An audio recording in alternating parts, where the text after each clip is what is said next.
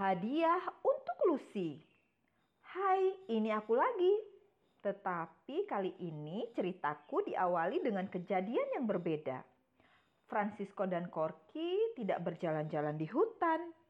Kau mau tahu mereka ke mana? Baiklah, aku akan menceritakannya.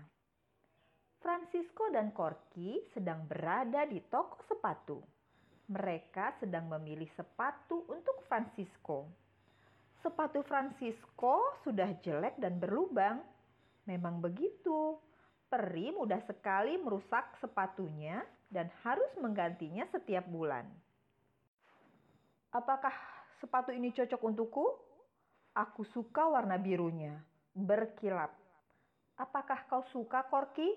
Tanya Francisco kepada Korki sambil menunjukkan sepatu pilihannya. Korki mengangguk. Sebenarnya sepatu itu sama seperti sepatu lama Francisco, tetapi warnanya lebih cerah dan sangat mengilap. Francisco pun membeli sepatu tersebut. Sepatu ini bisa aku pakai untuk menghadiri ulang tahun Lucy nanti, kata Francisco kemudian. Nah, meski pelupa, tapi Francisco dapat mengingat tanggal ulang tahun teman-temannya.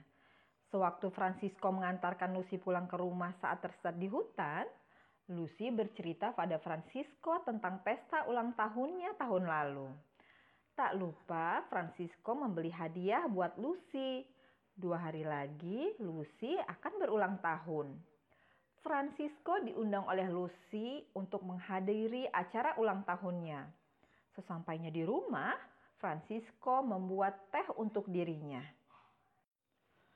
Huh, aku capek sekali. Aku akan beristirahat dulu. Lalu Francisco duduk di sofanya. Sofa Francisco tidak seperti sofa lainnya. Bahannya terbuat dari bulu angsa yang sangat lembut. Bentuknya persegi panjang dengan sandaran yang nyaman dan warnanya putih sekali. Agar tidak kotor, Francisco menutupnya dengan kain kanvas tipis berwarna hijau. Hari ulang tahun Lucy pun tiba. Francisco dan Corky bersiap-siap ke rumah Lucy. Tiba-tiba Francisco ingin mengubah kado yang ingin diberikan kepada Lucy. Aku akan mengganti kado untuk Lucy. Aku punya sesuatu yang lebih istimewa dari kado yang aku belikan kemarin. Francisco pergi ke gudang dan mencari benda yang disimpan dalam kontainer terkunci. Aha, ketemu juga.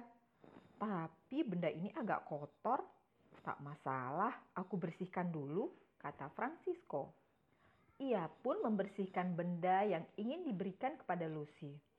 Hmm, aku bosan pergi berdua saja bersama Corky. Sepertinya aku membutuhkan teman aku akan mengajak Stefani. Mungkin Stefani juga membutuhkan teman, gumam Francisco.